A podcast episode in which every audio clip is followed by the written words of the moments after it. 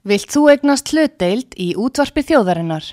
Sendu tölvupóst á hlutabref at útvarpsaga.is eða ringdu í síma 533 3943. Útvarpsaga stendur vörð um tjáningafrelsið.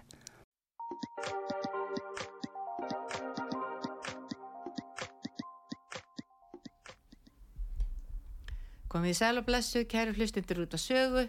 Sigrun Kjartansdóttir heiti ég og þið eru að hlusta heilsu þáttin heilsan heim. Hjá mér í dag er góður gestur, er hann Sigurður Örn Ragnarsson. Sigurður uh, starfar hjá Greenfit og hann starfar við heilsuráðgjöf. En Sigurður fór kannski ekki alveg svona, uh, hann fór aðeins öðruvísi leiði í því að átta sig á því við hvað hann langaði að starfa eða svona bara lífið sem hann langaði í. Þannig að Sigurður velkomin og takk fyrir að koma til okkar. Kæra það gerir Nú langar mig að byrja þig aðeins bara um að kynna þig fyrir hlustendum. Já, það er hérna já eins og segir, ég er, að, ég er að vinna við þetta í dag en, en hérna uh, þetta er svona ekki alltaf verið kannski svo stefna sem ég ætla að taka í lífinu. Um, ég byrjaði semst að læra vélaverkræði og hérna tók meistragráði hérna heima í svona bara við það að búa til svona, ég, ætla ekki að fara dýbri í það en það eru varma líkun út frá kæling á fiski um borðið skipum. Og hérna en hef alltaf verið svona í íþróttum sem sagt að, að hérna, stunda íþróttir og þá frekar háist í og ég var sem sagt á þessum tíma líka í, í þrýþraut sem er þá sundhjól og hlaup. Einmitt, einmitt. og hérna kefti svona lengi vel sem, sem svona halvpartin aðunum að er í því og, og var þá að mæla mig allan í bakk og fyrir og, og hérna, tók svolítið svona verkfræðilega nálgun á það að, að besta mig og, og minn líka maður í því að, að hérna, koma mér eins langt og ég geti í þessum keppnum sem ég er að stefna Já. og þá náttúrulega er stór partur af því að hafa heilsun í lagi og hérna í kjölfara því að, að ég var svona búin að skapa mig kannski smá nafn bara innan þrýþröðar heimsins hérna á Íslandi að þá höfðu lukka á már samband við mig sem að voru þá með þessa hugmynd sem að Greenfit var Akkurat. svolítið á tekniborinu já, já, já, og, og fengum við semst með sér lið við það að búa þetta til í rauninni.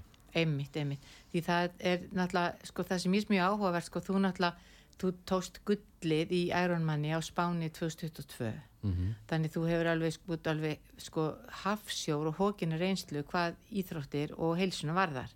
Og það sem ég slíka daldi áhugavert að það er það að, að, að það sem við kannski klikkum pínliti á að það er í raun og veru sko allt sem á mælir að það eru meiri líkur á að maður náði því þá sér maður í, hvaða, í svona hvernig gengur að markmiðinu.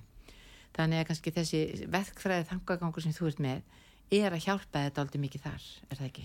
Jú, ég held að segja mjög stór þáttur. Eins og segir, þegar við ef við vitum ekki stöðun í dag hvernig ætlum við að geta tekið með þetta ákvarðan um það sem við þurfum að leggja áslá Já. eða það sem við þurfum að laga e, til þess að koma okkur á kannski eitthvað nákvæmst stað í framtíðinu sem við viljum vera á. Og, og hérna þannig svona gengur þetta svolítið út á það hjá, hjá, hjá okkur líka núna í dag að, að við erum svolítið reyna að koma auða á tækifærin hjá hverjum og einum. Svons, hvar, hvar liggja kannski tækifærin og, og hérna, hvar getur maður náð svona hvar hröðustum árangri? Og sumir þurfa kannski bara einblýna á, á mataræði meðan að aðrir þurfa að telta með þess að byrja að gera styrtaræfingar eða eitthvað álíka. Og þetta er allt eitthvað sem er hægt að mæla og, og koma svolítið að niðurstöðu með. Já. þannig að hérna, þannig að maður geti, mað geti unni sem skilurkast að, að sínu markmiðum Já, ég raunin verið sko þá, þá uh, komum við þá, þá, kem, þá komum við til ykkar og þið raunin verið takist aldrei statusin á okkur bara einstaklingslega séð og, og svo bara vinniði með okkur sem einstaklinga Já. þannig að það er við bara hver veit fær prógram miða við hans mælingar, er það ekki? Jú, svona ráðgjöf og, og hérna, upplýsingar um það hvernig viðkomandi getur svolítið reynda haga sínum lifnarháttum í kjölfarið Já. og hérna, við höfum svona hingað til svolítið sérhæft okkur í mælingunum og, og svona ráðgjöfu út frá þeim en, en erum alltaf meir og meir að fara yfir í það líka að reyna að styðja við fólk semast áfram Já. og þá er til dæmis mjög nýjir spennandi hluti sem við erum að, að koma inn í dag sem eru svona hérna, ákveðna tegundir af meðferðum sem að, sem að hafa verið að svolítið reyða sér trúms erlendis en það má ég alveg segja að þetta er svona í fyrsta skipti sem er komin svona alveg ákveðin miðstöð hérna á Íslandi sem er þá hjá okkur í bara nákvæmlega þessum meðferðum sem við erum, sem við erum að byrja með. Já, þið, þið eru þannig að þið eru bara frimkvölar í þessum fræðum þegar þið fóruð á stað á sínu tíma.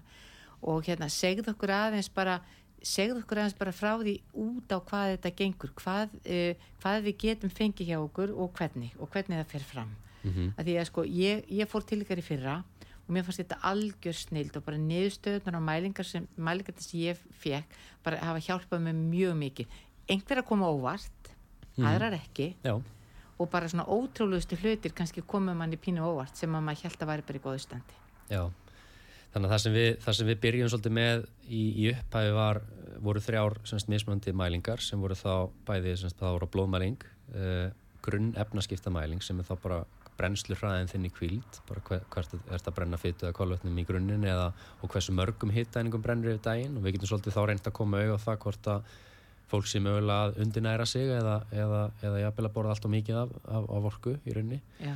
til þess að stýra svolítið mataræðinu. Eh, og svo álagsmæling sem er þá gerð á annarkort á brett eða hjóli og við reynum þá að koma auðvitað á það hvort að hérna, hvernig þjálfuna minnstur viðkomandi ætti að hafa til þess að ná sem, sem hröðustu varangrafi. Þetta skiptir líka máli. Fólk oft eh, tekur þessa álagsmælingu og hugsaður að ég er nú ekkit í íþróttum og, og þetta gagnast mér ekkert.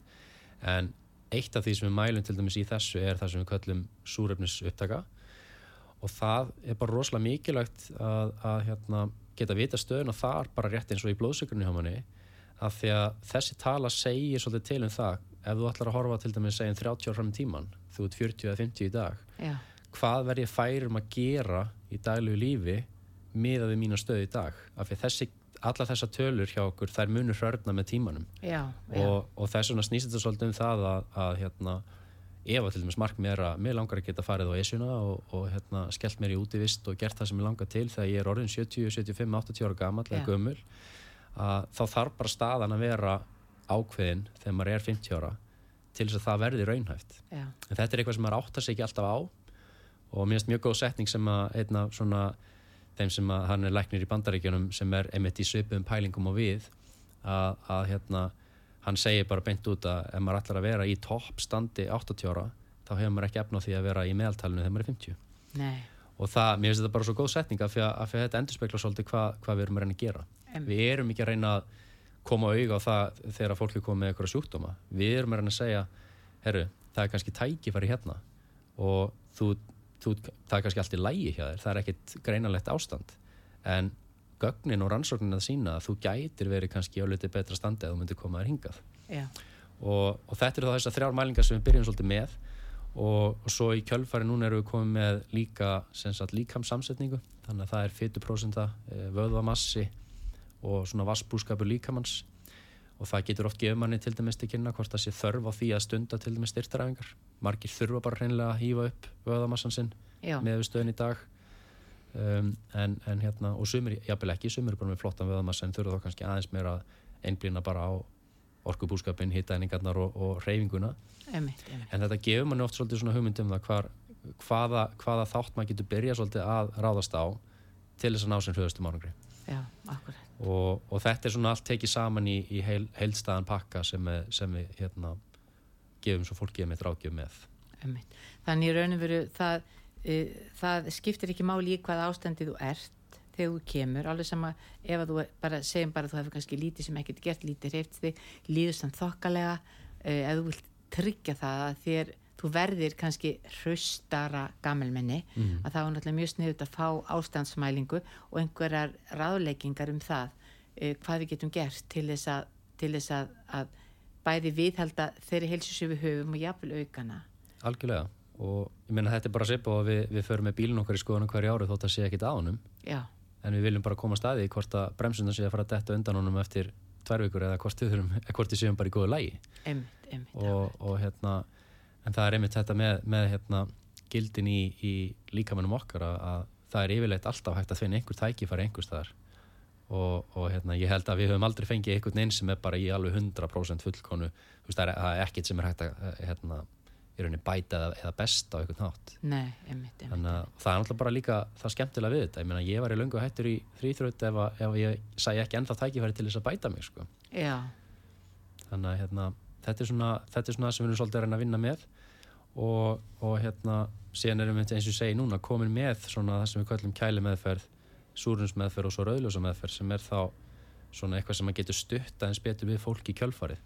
Segðu okkur, segðu okkur aðeins frá hérna þessum þrejum meðferðum, mér starf bara ótrúlega spennandi. Mm Sko, kælimeðferðin er ekkit ósöpu því sem að við erum margir stundar sjósund í dag. Já, Fari í já. kalda potta og köldböð um, og, og hérna, ég er að nota það bara almennt svona, til þess að hérna, stöðla að, já, það getur verið ímis markmið, sem er að gera öndunaræfingar, aðrir í einhverslega spólgustjórnun og eitthvað svoleiðis. En, en rannsóni sína að, að það er gríðalegur ávinningur af þessum svona meðferðum og þetta er ekki bara til dæmis fyrir þó að þetta sé orðið mjög stórt til dæmis í mörgum kransbyndulegum elendis já, já. þá flýtur þetta rosalega fyrir endurhemta eftir æfingar Já. Byrjaði kannski aldrei þannig, maður sá alveg myndirna fyrir sér þegar að fótboltamaðurinn var með kælipókana í ykkurum klökum sko, eftir leik. Já, já, þú veist og, og, og yfirleitt er þetta líka bara uh, svona, flest svona tækni hún byrjar í svona hvað við segjum við, svona hérna hjá afriksfólkinu, af því að, að þannig verið að finna eitthvað sem að gæti mögulega að hjálpa til með afköst Já, flýtt fyrir já, bata. flýtt fyrir bata, flýtt fyrir endurheimt minka bólgur eftir æfingar. Og svo kemur þetta svona smátt og smátt inn á almenna markaðin uh, þegar að tækin eru farin að vera meira svona aðgengilega fyrir bara svona, eins og segi, hverstas hérna, einstaklingin Já, en, en það sem að þetta hljómar svolítið hérna ókvæmlega þegar maður segir þetta en, en þú ferð semst inn í svona klefa og hann er það er mínus 130 gráðu köldu lofti blásið á þig. Já, já, já, í svona 2 til 4 mínútur Ok. eftir hva, hversu stóra einstaklingurinn er. Já, já, en, en hérna hitastíðinu sem sagt á húðin á manni er alveg stjórna það eru viftur sem að stöðva bara kælingun og leið og við nefnum að húðutin er farin niður fyrir ákveðið hitastík já, þannig að það er aldrei neinn hætt á því að þú fáir einhverslega skali en eitt nei, en, en það sem þetta, þetta vekur upp í ranns, rannsóknuna sína að, að þetta vekur upp í rauninu mikið viðbráð það, það koma sagt hérna verður aukning í blóðgildum sem að stuðla að bólgu lækandi áhrifum já, og, og hérna það er aðeins mismandi hvernig fólku upplifur þetta en mörgum liður rosalega vel já, og það er til dæmis eitt sem er búin að vera að koma endurteki til okkar núna sem að bara í fyrsta skipti í, í langan tíma er bara verkjalus og, og Já. hérna, það er auðvitað bara frábært þegar fólk finnur, finnur eitthvað svona sko. bara kuldin hefur svo ótrúlega góð áhrif á bólgur. Og svona ímsa verki. Ég, ég, ég nota sko bara köldupattan í sundlegunum að því ég er, er að kenna og það er sundlegu við hliðina á raktinni sem ég er að kenni og alltaf eftir tíma þá fer ég í heitapottin og svona aðeins nutt og enda svo að kalda. Og ef ég sleppi því að fer í kalda að þá bara finnst mér þá vantar eitthvað. Það er rosa skrítið, maður bara finnur það bara líka með segir við mann og ég er náttúrulega öruglega ekki ég, ég geti verið harðari við mig en ég samt gerir lít, pínlítið af þessu að líka með segir svona bara takk takk, bara Já. frumunnar húðin segir bara svona takk, segir hún takk.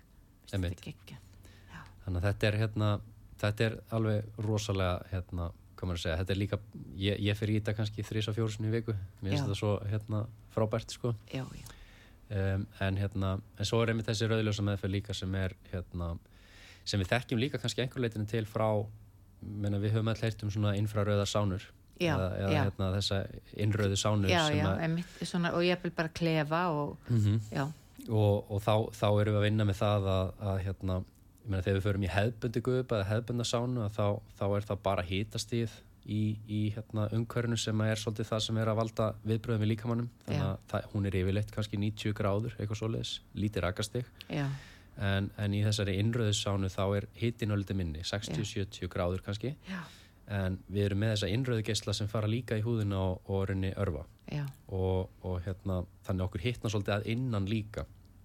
Og það er svona, það tekur stundur svolítið lengri tíma að finna fyrir áhrifum að því. En það sem þessi rauðlösa meðferð gengur út á þetta, á einsku heitir þetta red light therapy.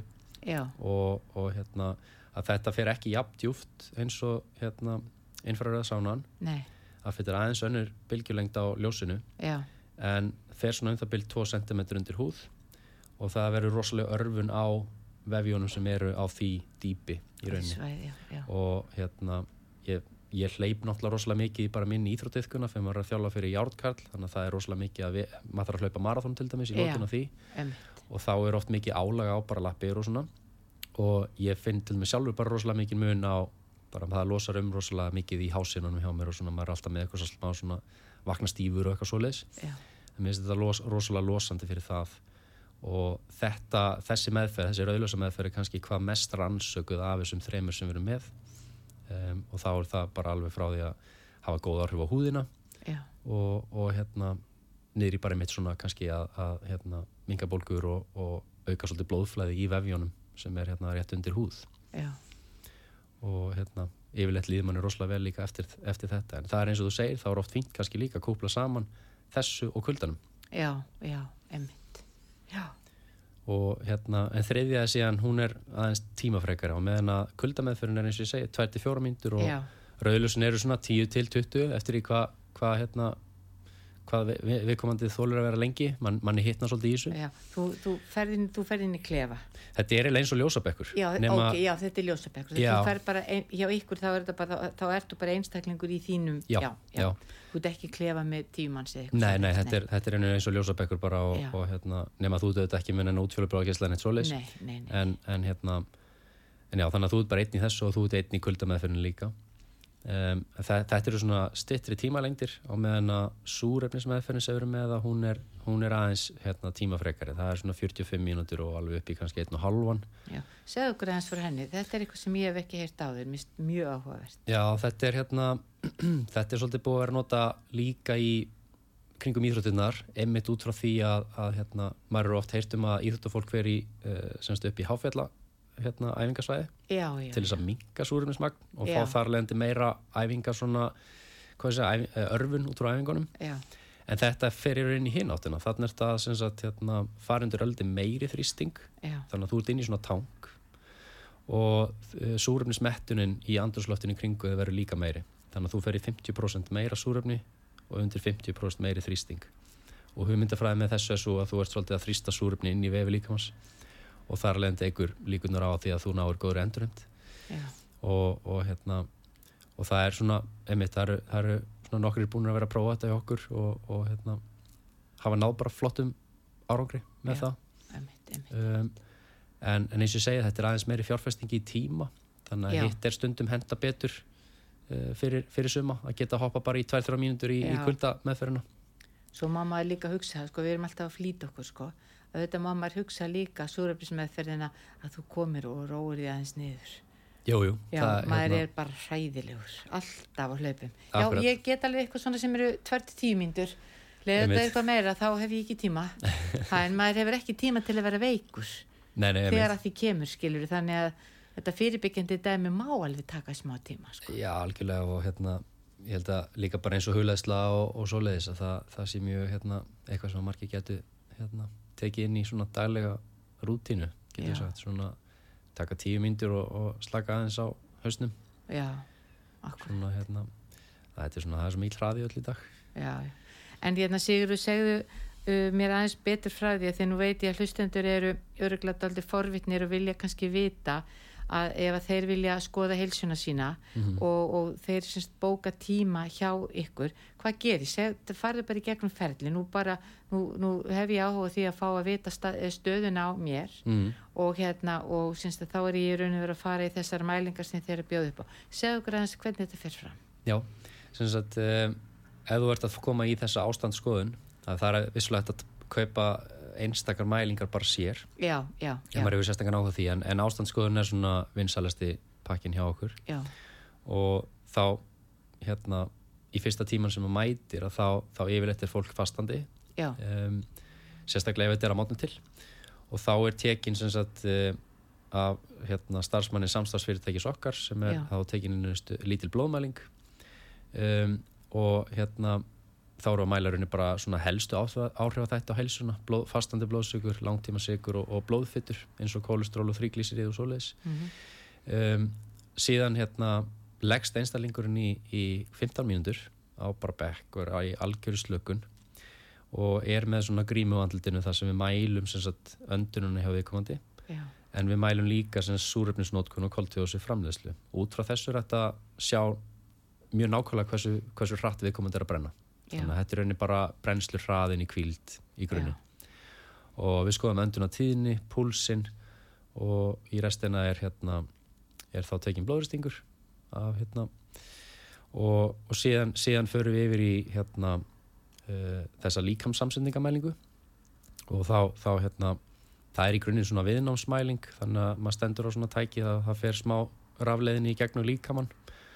Og það er kannski eitt þarna að þeir sem eru með gangráð geta ekki farið í slíka mælingu því að, því að það er hérna það eru líkur á því að geta aðeins tröflað já, hérna, tækið sem er þá inni. En hérna allir aðrir bara í hérna eru er frjálst að fara í þessa mælingu nema kannski ólita konur. En, en hérna þetta eru svona tvær undartekningar já, já, já, já, um, og þarna fáum við sem sagt fytuprósentu, kviðfytu vöðvamassa við getum séð vassbúskap líkamanns uh, þannig, að, þannig að maður sé svolítið svona heilstaða greiningu á, á kerfið já, já. og svo í lókin endur við á því að taka gripstyrk, uh, lungnarýmdarmælingu og svo álagsmælingu eins og sem er þá gerðan hvort á hjóli eða hlaupabrætti og það er eins og ég kom aðeins inn á áðan hérna, þá erum við að finna út á hvaða hjarslætti viðkomandi aðili brennir hvað mest í fytu já, já. og þar leðandi hvar svona skilvirkasti árangur er næst í úthaldstjálfun Já. þannig að markmið er að bæta almennt úthald hvar ætti viðkomandi að þjálfa sig Vist, Já. á hvaða púls eða hraða eða álægi Einmitt. og þá er mitt líka þessi tala með veist, hvern, hérna, hversu hátt er viðkomandi að fara í mælingunni í þessari súrumnisnótkun af því eins og ég nefndi á þann þá hefur hún svolítið forsporgildi fyrir það hvað við erum færum að framkama eftir segjum 20-30 ár já, þannig að hérna, maður hefur oft þurft að taka fyrir bara hérna, kannski einstaklingur kringum minnaldur 30-35 ára. Já, og þá kannski eru, er, er talan þannig að það er ekkit endilega útlitt fyrir að þetta veri rosalega skemmtilegt eftir 30 ár sko. og þá þá maður alltaf að spyrja sig sko, okay, hvert er markmiðið, þú veist, hvað langar þig að gera ef þú horfir 30 ár fram í tíman já, og ef þú sér fram á það að ok, vöðamassiðin er frekar lár uh, þú ert ekki með neitt rosalega góða súrumsöftöku þá þarfstu bara að fara að krossa af listaninum hluti sem við kannski sem við teljum sjálfsæði í dag. Já, já, og, og hérna það geta verið ótrúlustur hlutir eins og bara við mælum greipstyrk til dæmis. Já, þannig að ótrúlustur hlutir eins og bara langaði að geta opna krukku. Hugsaðir. og, og hérna uh, viltu geta tekið hérna barnabarnið þitt og, og haldið á því fyrir ofan axlir? Já, þetta er allt hlutir sem, að, sem maður hugsar ekki um að fyrir maður kannski færum að gera í dag. Já, en miða við stöðuna mína núna og styrkið mér núna og, og útaldið mitt núna að þá kannski verður þetta ekkit endilega möguleiki eftir segjum 20 ár, 30 ár. Þannig að við erum svolítið að reyna að fá fólk líka til að hugsa um þetta svona. Já, að, hérna, að reyna svolítið að, að, að horfa svolítið fram í tíman og, og reyna svolítið að sjá fyrir sér hvernig, hvernig maður vill eiga í rauninni hvernig efri árun eiga að vera. Já, af því að þetta á, þetta á að vera svona besti tíminn. Já, það sem, maður, hefur loksins tíma til þess að gera það sem maður langar til að gera. Já. Og hérna, flestir komnir í húsnæði, börnin farin heiman, Mhm. uh, jafnvel svo aðfara hægt að vinna og þá er náttúrulega daldið daburlegt ef heilsinni búin og hún er þá bara í mörgum tilfellum. já og það er eitthvað sem hefði kannski verið hægt að koma auga á fyrir 20 árum síðan Já. 20 árum á undan Já, og þá hefði verið hægt að gera okkurna rástafanir til þess að maður kannski myndi ekki lenda á þeim stað sem maður er á í dag já, já, já, já akkurat.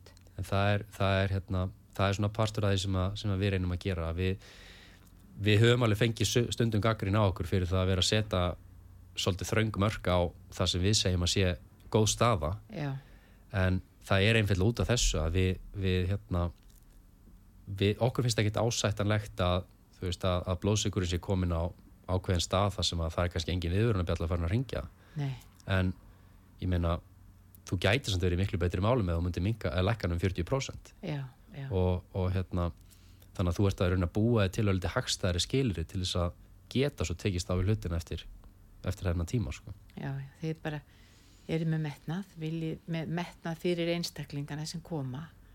Já, það er svolítið, það er svolítið þannig að einmitt, þú veist, akkur ættu að vilja sætt okkur við það að vera ekki í Já. sem fullkonustu standi Já. menna þetta er líka með okkar og, og hérna, auðvitað ættu að reyna að vera í eins góðu ásökumulega við getum. Já, já, ég meina við bónum bílinn okkar og við förum með hann í viðgerð og við hérna, hugsaum átt betur um veraldlega hlutina eða veraldlega hlutina heldur nokkuð sjálf. Já.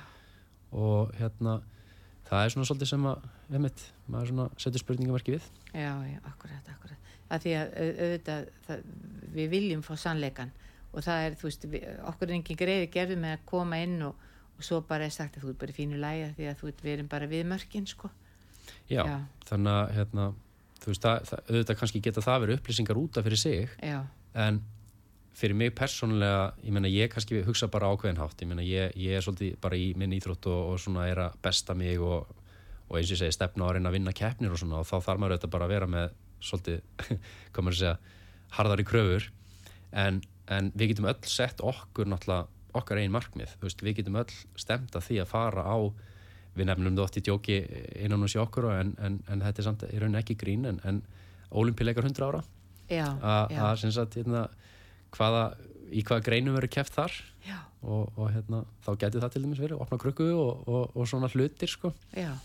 og hérna gang upp stiga. gang upp stiga og gang upp stiga með tvo þunga innköpabóka eh, svona hlutir sem við hugsaum ekkit endilega um en allt þetta þarnast ákveðina súröfnisöptöku sem við getum mælt í þessu, þessari álasmælingu og þá er þetta svolítið þannig að, að hérna, veist, þessi hverstaslu hluti sem við teljum sjálfsa að við viljum geta svolítið framkvæmt þá og með góðu móti. Að það sé ekki bara hámas aðtöfn að komast upp stiga með póka sko. Já, já. Og síðan, síðan þegar e, við erum búin að koma til ykkur og búin að fyrir mælinguna þá setist þið niður með okkur í það ekki og, og, og farið í gegnum niðurstöðun og, og gefið okkur á því það ekki? Jú, niðurstöðun er alltaf setta mjög skýrt fram og á svona litakóða þannig að maður sér alveg hvar maður liggur. Uh, á hvort maður sé á, á grænu og eins og ég segi þá er það að vera með 10 og 10 í engun sko, þó að þessi orðið eitthvað smá guld það er ekki endilega 100 í hættinu en, en svona tækifæri til að besta sig. Og þá getur maður að sé svona okkur hvar stæstu tækifæri liggja við yfirleitt reynum að einblýna svolítið á það núna í okkar niðurstöðu viðtölu með fólki að leggja svolítið áherslu á það sem að skipta mestumáli og hérna erum þá að reyna að gera líka hérna erum við myndbönd inn á inn á niðurstöðu síðanum hjá fólki sem að, sem að fara svolítið almennt yfir niðurstöðunar þannig að maður getur kynnt sér þetta svolítið að maður kemur í viðtalið já, já. Um, en, en hérna eins og ég segi, leggjum svolítið áherslu á það að fólk fari út með einhver þrjú til fjögur verkefni sem, a, sem að vinna svo með næstu þrjá fjóra mánuðina. Sumir einn, þú veist, koma það bara fengt út að maður myndi segja ok, vinnum svolítið með þetta og svo bara stjórna þú svolítið sjálf eða sjálfur hvort þú komur eftir ári eða tvö ári eða, eða hvernig sem þú vilt fylgjast með þessu. Já. en hjá sumum þá myndum maður vilja sjá kannski aftur einhver ákveðna mælingu eftir segjum þrjá fjóra mánuði Einmitt. þannig að það er ekki dósið bá að fá endur skoðana með á bíl. Já, en við erum auðvitað ekki að skikka fólkið en við segjum Nei. við myndum mæla með því að, að fylgjast með þessu. Já, akkurat, akkurat hérna, Þannig ég segi bara kæru hlustendur nú er jólinn að koma og ég gæti þetta verið þetta geti verið besta jólagjöfum fyrir sko pappa mömmu af og ömmu hvort annað þá sem eiga allt. Að því eins og þú sagði sko þá ganga jólinn daldi út á sko veraldlega hluti og mm -hmm. þegar maður er kannski komin á aðeins aldur yfir 35-40 ára segurður að þá, þá ámaður allt og maður eiginlega, margir kaupa sér allt og eiga allt og, og það er að besta sem maður getur fengið er eitthvað fyrir mann sjálfan og það er fyrst og fremst fyrir hilsuna eru þið ekki, þið eru með ykkur gafakort eða ekki, ég Jú. geti gefið mínu fólki gafakort í svona mælingu til ykkar eða ekki Já, við höfum verið með svona gafabrif sem, sem er þá hægt að kaupa það annarkort bara einhverja innegni eða, eða kaupa þá gjafabref í semst einhver ákveðna pakka. Já. þannig að það, það var rosalega vinsalt í fyrra til dæmis. Já. og hérna, já, hefur bara verið mjög hérna, tekið mjög vel eftir við byrjum með það Já, já, mér finnst þetta bara alveg snilt þetta er svona, þetta er alltaf nýjung og mjög, mjög margir veit ekki það af ykkur. Þannig að hérna, þetta bara skiptir mjög miklu máli þegar að gera meira átt að goða hluti. En hérna, eitthvað svona að lokum Sigurður sem að svona þú vilt bara eitthvað góð ráð? Já, já, það er nú alveg þetta hérna, taka smá svona það sem að flesti geta gert. Já. og ég held svona maður er oft ofhugsa hlutina stundum þegar maður er kannski að koma sér á stað. Og margi sem að svona mann er vex oft í augum bara kannski að þurfa að fara hérna, fara í rættin eða eitthvað svolítið, það þarf ekkit endilega. Það er hérna fyrir flesta að þá er í rauninni bara flott reyfing að fara til dæmis hálf tíma dag í, í svolítið röskan göngutúr. Og þarna eru flestir með kannski hvað svona skilvirkasta fytubreslu og, og, hérna, og þá erum við að hafa rosalega góð áhrif á almennt hérna, frumutnar í, í vöðunum okkar og, og erum að hérna, auka svolítið það sem við kallum eh, insulinæmi eða, eða blóðsökustjórnun og það getur oft verið fín hugmynd ef að, ef að hérna, fólk lendir í einhvern svona þreyt á kvöldin eða er að sækja svolítið í svona einfalda orku á kvöldin eitthvað keks og nastl og eitthvað svoleiðis. Skella sig kannski í svona hálftíma gangutrött í kvöldmattin jafnveg bara þó að vera í korter. Um, og hérna það er svona það fyrsta. Og maður vil þá fara svona upp að þeim mörgum að maður, þetta á ekki að vera eitthvað svona alveg mjög létt, maður þarf að fara upp að þessum mörgum þar sem maður finnur svona aðeins fyrir öndunni. Já, já. maður er svona við það að þurfa svona aðeins dýpir andadrátt Getur kannski ekki verið á spjalli. Svona, jú, gætir það en þú svona helst kannski vilt það ekki. Nei, nei, nei, nei. það er svona, hérna, Já, þetta er svona ákveðin það sem út kannski að fá það mest út úr þessu. Um, síðan er bara svona léttar kannski heimaæfingar taka, þú veist, hnjepir standa við með 90 gráður upp við vegg uh, hérna um, armréttur, armbegur eftir hvað maður vil nota já, já, uh, létt handlóð, eitthvað svoleiðis. Plankin plankin um, alla þessar æfingar, kviðæfingar Já. uh, mjög fínt að taka kannski tíu mínútur á dag. Einmitt, einmitt. Og hérna, svo væri ekkit hérna óvillust ef að fólk hefur tök á því að, að einu sinni vikunni kannski aðeins að koma púlsinum upp. Já. þannig að, þannig að þá maður til dæmis segjum að fara á úlfarsvelli eða, Já, eða eitthvað svoleiðis að, að hérna, þá myndum að taka kannski rispu í 30 sekundur Já. til mínútu. Hæja svo aðeins á sér, ná andanum. Gera þetta kannski fjórum, fimm sinnum. Já, þetta væri svona til þess að byrja með bara fínasta svona blanda. Um, þegar kemur að mataræðinu þá er svolítið svona, við reynum að setja svolítið rauðan þráð að ef maður fyrir út í búð þá kaupir maður hlutina í sinni upprunalegu mynd. Þannig að einfalda skýringin er svo að þú þarft ekki inniðanslýsingu fyrir það sem þú ert að kaupa. Þú kaupir egg og það er bara egg. Já, þú kaupir sæta kartöflu, það er sæta kartöfla. Það er ekkert annað í þessu. Og hérna ég held að þetta sé svona oft einfaldast fyrir fólk að skilja til að byrja með þú veist að, að hérna þú veist, ef þetta komið inn í pakka og það eru 15 innæðsefni og þú skilur ekki helmingina þeim þá kannski er þetta svolítið fjarrri því tiltekna markmiði.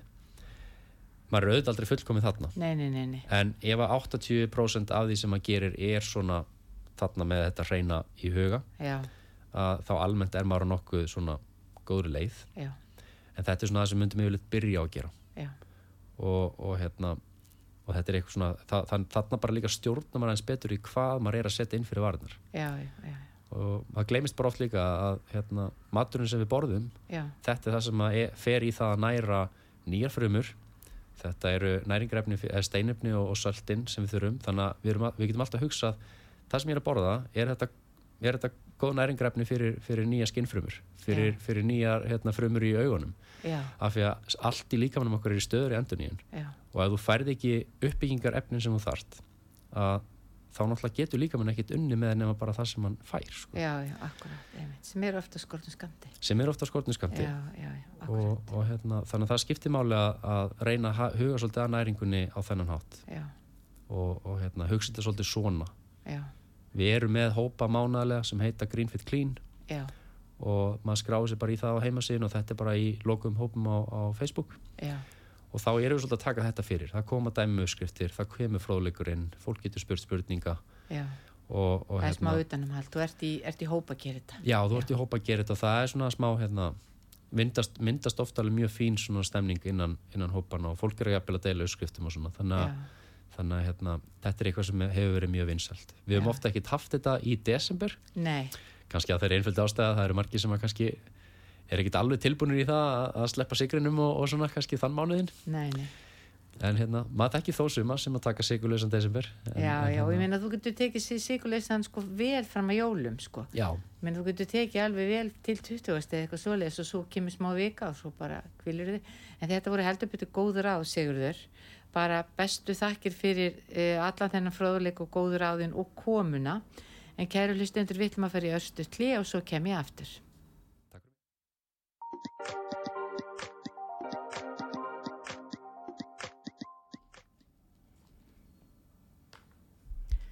Komið í sæl og blessu kæru hlustendur. Sigrun Kjartan seiti ég og þið eruð að hlusta á þáttin Heilsan heim. Í fyrir hluta þáttarins þá kom hann Sigurður til mín frá Greenfit og við vorum að tala um hinnan ímsu uh, heilsumælingar sem við getum uh, sagt, farið í sem að gefa okkur svona ákveðið já, bara ákveðin status á líkams um, ástand sem skiptir með mjög máli eins og Sigurður sagði. Eh, við fyrir með bílinn okkar í viðgerð, við fyrir með bílinn okkar í, í skoðun en svo eiginlega býðum við, svo eru við einhvern veginn ekki að gefa okkur þennan tíma, þetta er ofta ekki spurning um peninga, þetta er meira spurning um, um tíma, við gefum okkur tíma og skoðum aðeins í hvers konar líkams ástandi við erum. Við erum oft kannski, e, erum oft að horfa á líkams ástand til dæmis út frá viktinni en það er kannski alls ekki rétti mælikvarðin. Það eru margi þættir sem skipta máli og þetta var mjög, mjög um, aðteglisverður fróðleikur sem Sigurður fór í gegnum þannig að þið hafið ekki ef þið mistuð að fyrir hluta þáttar eins og held ég þetta spólið tilbaka og hlust á Sigurð hann gaf okkur hérna ímis, ímis, ímis, ímis góður áð. Það sem ég ætla að, að ræða um, sem sagt eh, núna í setni partinum er í raunum veru, ég ætla að fara eins út í hreyfingu En hérna, ég sem sagt hef verið að kenna líkanstarakt í einhver ár. Ég hef bæði verið að kenna Zumba sem er hérna svona dansleikvum eða dansfitness og svo er ég með e, morguntíma þar sem við erum að vinna með efri part, neðri part og hvið. Við erum að vinna með lóð og tegjur og, og eigin þingdir. En það sem að, að ég er núna búin að vera að gera, það nýjasta sem ég hef verið að vinna við er, er í raun og veru uh, svona liðleika þjálfun Uh, ég hef verið að bjóða upp á námskeið sem ég kalla reyndar jóka fyrir styrða en við erum í raun og veru ekki að vinna mikið með jókaæfingar því að jókaæfingar eru ofta tíðum sko margir hugsa jókaæfingar sem stöður þar sem stendur öðrum fætinum og, og tegir í hinn aftur og bak og fettir og brettir en það er bara partur af jóka því að e, það er til tegund og jóka sem heitir yin jóka og, og það er það sem ég nota mikið og það er í raun og veru meir og minna bara líkjandi tegjur. Þetta eru syns, einfaldar og árangusiríkar æfingar sem að e, vinna því að, að, að, að auka liðleika og bæta hreyfi getu. Þannig eru við að vinna með, með vöðvan okkar og liðböndin okkar með því að, að fari í, í góðar einfaldar tegjur og við höldum daldi lengi. Og við erum að tegja á, á, á, á sem flestum uh, vöðvahópum líkamanns og svo erum við líka daldið að vinna með uh, liðamótin okkar, við erum að vinna mikið með, með mjadma liðina, mjadma opnanir, við erum að vinna með, með axlarliðina og við erum að vinna með allt í kringum axlir, við erum að vinna í kringum nýja og ökla. Og við vinnum líka eins pinlítið með hálsinn. Þannig að þetta er eitthvað sem við þurfum líka samlega því sem Sigur var að tala um sem er, er hérna, það er að segja mataræðið okkar og svefnin okkar og reyfingin okkar. Við þurfum margskonar tegund af reyfingu. Það er ekki nóg fyrir okkur að vera til dæmis bara að, að alltaf vera að hugsa nú ætlum ég að fara að brenna vegna þess að þá brenni ég hitt einingum og þá léttist ég. Alveg eins og Sigurður talaði um að, að, að það getur verið gott fyrir okkur að fá okkurna mælingu á það á hvaða hraða þarf ég að ganga eða skokka eða hlaupa eða hjóla til þess að ég sé að brenna e, fytu ef að ég e, vil létta mig eða ef ég vil missa e, fytu af líkamannum þannig að svona mælingar skipta greiðilega miklu máli e, við, það er mælingar sem við erum fyrst og fremst ofta að vinna með er viktinn og það er ekkit endil alltaf rétt að mælingin eins og ég segi eins og við erum mismunandi við erum mismunandi stóra og sterka veðva og, og, og, og erum bara genatíst ekki eins. Þannig að, að allar mælingar geta hjálpað okkur við skulum endilega skoða það pínlítið. E, námskeiðin mín jóka fyrir styrði það hefa verið greiðalega vinsel og það hefur í rauninu verið komið fólk á öllum aldri á námskeiðin. E, svona sammert með e, þeim flestum er það að fólk vil auka liðleika. E, margir geta alveg viljað auka liðleika þó þau séu þokkalega liðugir og, og, og það skiptir mjög miklu máli sko liðu líkami er ungu líkami það er bara svoleiðis og það er mjög mjög mikið af ungu fólki sem er orðið mjög styrt það verðist vera með uh, sagt, stunda kannski einhafa hreyfingu og svo náttúrulega situm við mikið í dag uh, við erum oft mjög bóginni baki erum mikið ofan í, í snjalltækjunum okkar símónum okkar og tölvunum okkar og erum þar að leiðandi með lútum fram e, uh, sítum jafnvel bara svona hálf höngum í sófanum og þetta er sko alls ekki gott þannig að það er svona, við þurfum að standa upp og við þurfum að rétt úr okkur og við þurfum að geta, geta teikt okkur og tókað á, ymsa máta. En þessi námskeið eru þannig að, að ég vinn bara með einfaldar góðar liðleika æfingar e, við notum, við liggjum meira meina út í ínunni e, allan tíman, við erum að nota e, hérna tegjur og við erum að nota líka sem er mjög áhugavert að ég, ég nota sko sérstaklega svona bandvefs losunabólta sem að vinna með bandvefin okkar en bandvefurinn okkar er utanum alla vöðva og alla vöðva þræði og, og það sem gerist oft ef við hugum ekki nú að velja heilsunni ef við sofum illa, erum stressuð ef við borðum ekki rétt e, beitum okkur ránt að, að þá e, byrjar þessi bandvefur að þotna og þegar hann þotnar þá þjættist hann pínlítið utanum vöðvana okkar sem gerir það verkum að, að vöðvina er síður að, að þreyfa sig og allt blóðflæði og allt svona sogaða sístum í kringum. Vöðvan okkar verður lagara þannig með því að, að nutta okkur með nuttbóltunum að þá eru við að bleita bandvefin vegna þess að mjög stór partur er líka manni með vatn og alltaf þegar við nuttum þá eru við líka að dreifa vatn út um allt og þá eru við að bleita bandvefin okkar og gerum bandvefin okkar mýkri og tegjanlegri þannig að bandvefurinn utanum alla vöðvan okkar verður þá mýkri og tegjanlegri hann festist síður við vöðvana. Stundum þegar þið farið í nutt þá kannski finnið fyrir því að nuttarinn tekur þetta aldrei í húðina og hann er að toga húðina upp og þá er hann pínlítið þá er hann pínlítið að skinja það að, að þarf hann að losa pínlítið húðina eða bandvefin frá, frá vöðvunum en, en húðin okkar er í þremur lögum og, og það er stundum aldrei áhugavert að, að googla húðin okkar og líka mann og skoða pínlítið hvernig þetta lítur allt út en þetta, þetta skiptir, skiptir mjög miklu máli. Eh, við hérna, sem þetta á námskeiðinu þá byrjum við pinlítið á því bara að taka svona einföldustu æfingarnar en svo smátt og smátt fyrir við að fara út í, út í, út í aðeins meiri ákefð. Hver og einn, hann fyrir aldrei lengra heldur en, heldur en hann vill og getur. Við notum djúpa jafna öndun allan tíman við komum daldi inn í tíman og við lókum hurðinni og við geymum allar áhyggjur og all verkefni fyrir utan hurðinni eða heima. og þegar við komum inn að þá eru við bara daldið á staðnum. Og ég segi við nefndurna allan tíman að, að þegar við förum í það að, að tegja til dæmis á stóra lærveðvanum aftan á, á, á, á fætinum okkur að þá vil ég ekki að því að séu það hugsa um að þið þurfið að fara riksu og þegar þið komið heim heldur leggjast við á dínuna og við tökum tegjuna, smegjum minni yfir ílina og tökum síðan í tegjuna og síðan byrjum við hægt og rólega að toga fó, fótinn að okkur, við erum liggjandi í þessari stöðu.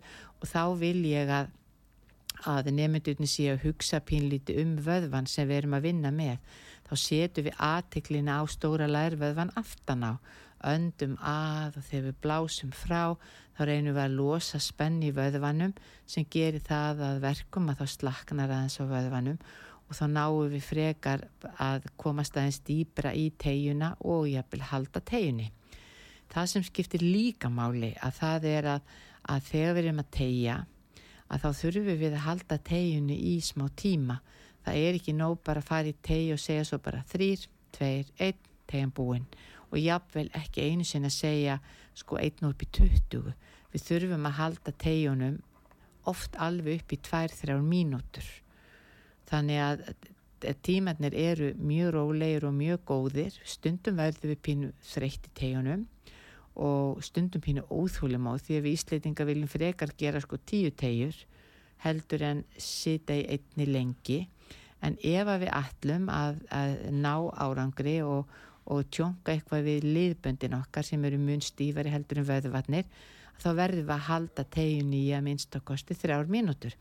Við gerum það ekki alltaf, við vinnum bæði með vöðvan og við vinnum með liðböndin. En þetta eru gríðarlega góð námskeið og það skiptir máli fyrir okkur að láta það ekki gerast að við förum að styrna upp, finna fyrir styrleika og, og skerða hreyfi getun okkar að því að við erum ekki að tegja eða hreyf okkur á heilbriðan máta. Og, og, og námskeiðið sem ég er með sem heitir Jóka fyrir styrða þetta er námskeið sem ég er með í World Class ég er með þetta í World Class stöðinni upp í Breitholti við hlýðan á sundlauginni.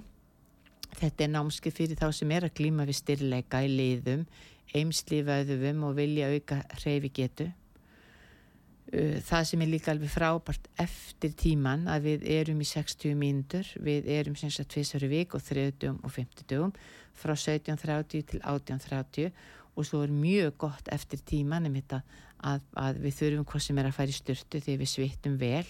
Við erum í aðeins heitum sál sem skiptir líka máli því að, að þá verða vöðvarnir aðeins heitari.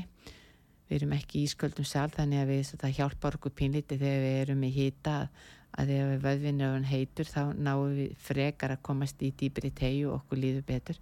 Að það er að fara sagt, í í sundlefina, fara í, í til dæmis bara heitapottin eða nuttpottin og, og það besta sem ég ger er að fara líka í kaldapottin en Sigurður talaði mitt líka um mikilvægi þessa að, að, að, að kæla. Að því ofta tíðum að við erum að glima við bólkur, bólkur í vöðum, bólkur í liðum að þá, þá, þá er mjög gott að, bara gangun í kaldan potti eða setja kaldan bakstur á, á liðina eða e, vöðvahópana sem við erum að glima, glima við, við eimsli og meðsli og stífleika í. Þannig við getum nota hita og kulda á viksl. Það sem ég gerir líka er það að, að ég vind aldrei með jafnvæð og það skiptir mjög miklu máli. Við verðum að geta til dæmis bara staðið öðrum fæti, við stöndum bara á gólfinu og, og, og liftum öðrum fætinum og, og höldum í smá tíma, horfum pínlíti finnum punkt á gólfinu, gerum þetta á sikkot fótinn og það er ótrúlega skríti hvað hva við erum mörgi jafnvægislaus. Þetta skiptir mjög miklu máli. Og hérna og svo í lókin þá tökum við alltaf mjög góð slökun sem líka skiptir mjög miklu máli. Lefum aðeins hérna svona uh, litlu vikirasveitin að fara pínlitið af stað.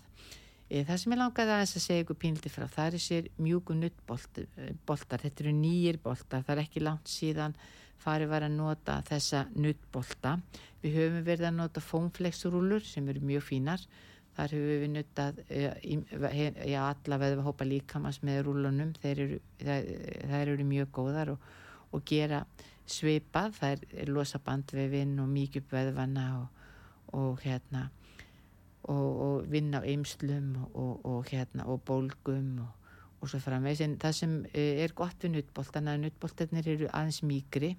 Þeir koma tveir saman í, í neti þannig við getum oftar en ekki til dæmis að nutta svæði þar sem að við erum til dæmis, við getum tekið dæmi til dæmis að við getum auðvöldlega nutta sköplungin okkar með nuttboltanum vegna þess að boltarnir eru að nutta vöðvana sikkurum einn við sköplungin en að því boltarnir eru tveir saman í netinu að, að, að þá eru við aldrei að nutta sköplungsbeinið.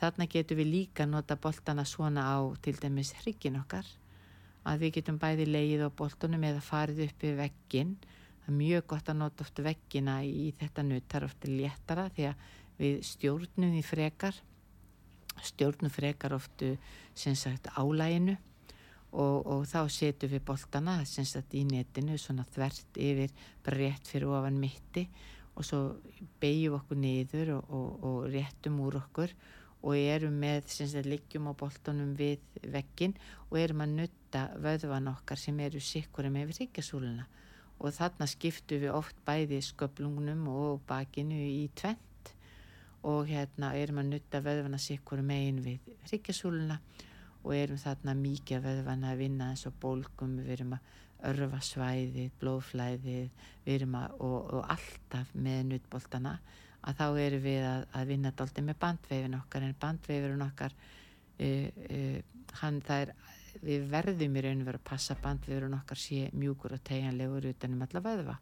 Og svo megu við bara ekki láta það heldur gerast að við séum að sapna upp uh, stífleika og, og, og þreytu og eimsli, eimslum í vöðvana og getum oftar en ekki unnið daldi vel með þessi þessa hluti með nuttbóltunum og, og, og það sem að við það eru ákveðin svæði sem við erum oft auðmari á heldur en önnu svæði og við erum oft aldrei auðm á mjöðmasvæðinu og þarna getur við nota til dæmis boltan upp við veggin að, að þá getur við nutta svæðið frá spjaltrygnum og út, út með síðunni og, og út á mjöðmidnar getum stoppað ef við finnum einhvern auðman blett og hérna þar getur við svona nuttað fram og tilbaka svona stittri vegalengt og svo getur við lagst á boltan bara með þrýstingi. Skiptir mjög mjög máli. Varðandi til og með notkunn á boltunum og fónflexurúlunum að við fyrum aldrei yfir liðamót, við fyrum aldrei yfir nýja, við fyrum aldrei yfir mjöðmæliði, við fyrum aldrei yfir ríkjasúluna, við fyrum alltaf bara að vinna með vöðvan, vöðvan sjálfan og svo er eitt líka sem við gerum sem er greiðlega mikið og það gerir notaði mikið á námskeiðinu að við erum með tvær tegundur af boltum. Við erum með tvo litla nuttbolta sem eru saman í neti og það er hægt að kaupa starri svona bolta, bæði saman í net og svo er hægt að kaupa e, eitt stakan og ég nota þennan stakan og ég nuta þetta alltaf sóasvöðvan okkar. En sóasvöðvin okkar hann er eiginlega í náranum.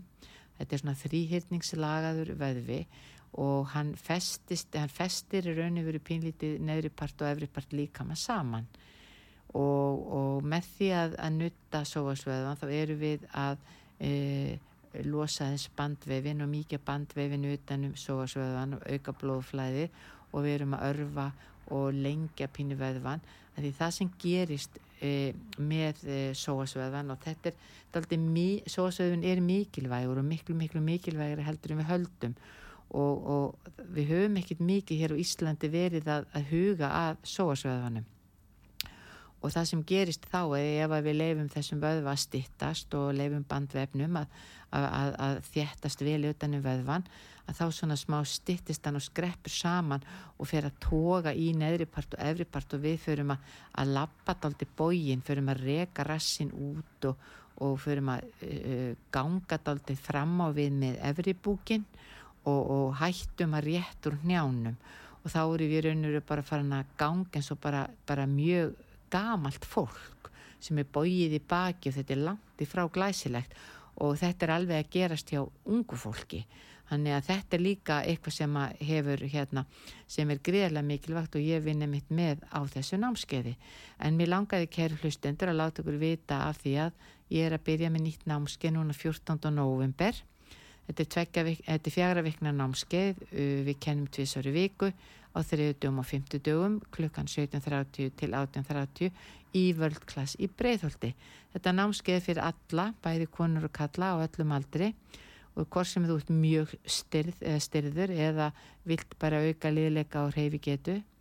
Uh, uh, til að skrá sig á námskeiði þá getið þið farið inn á vefin hjá völdklass, þar finnið þið uh, námskeið og velji námskeið, það heitir Jóka fyrir styrða og ef þegar ég vandraði með að bóka netinu þá bara ringi nýri völdklass og, og, og stelpunar í afgriðslu eða starfsfólkið í afgriðslun hjálpar ykkur. En kæru hlustendur, tíminn æðir alveg frá okkur, það var mjög gaman að fá hann Sigurði heimsókn, hann gaf okkur mjög góð ráðvarðandi e, líkamann og mikilvægi þess að mæla pínu heilsun okkar. Og svo langaði mig aðeins að segja ykkur frá hérna því að það skiptir máli fyrir okkur að halda okkur uh, vel liðugum og, og og hafa góða hreyfi getu allæfi. En kæra lustundur ég þakka kærlega fyrir mig í dag og eigið góðan dag.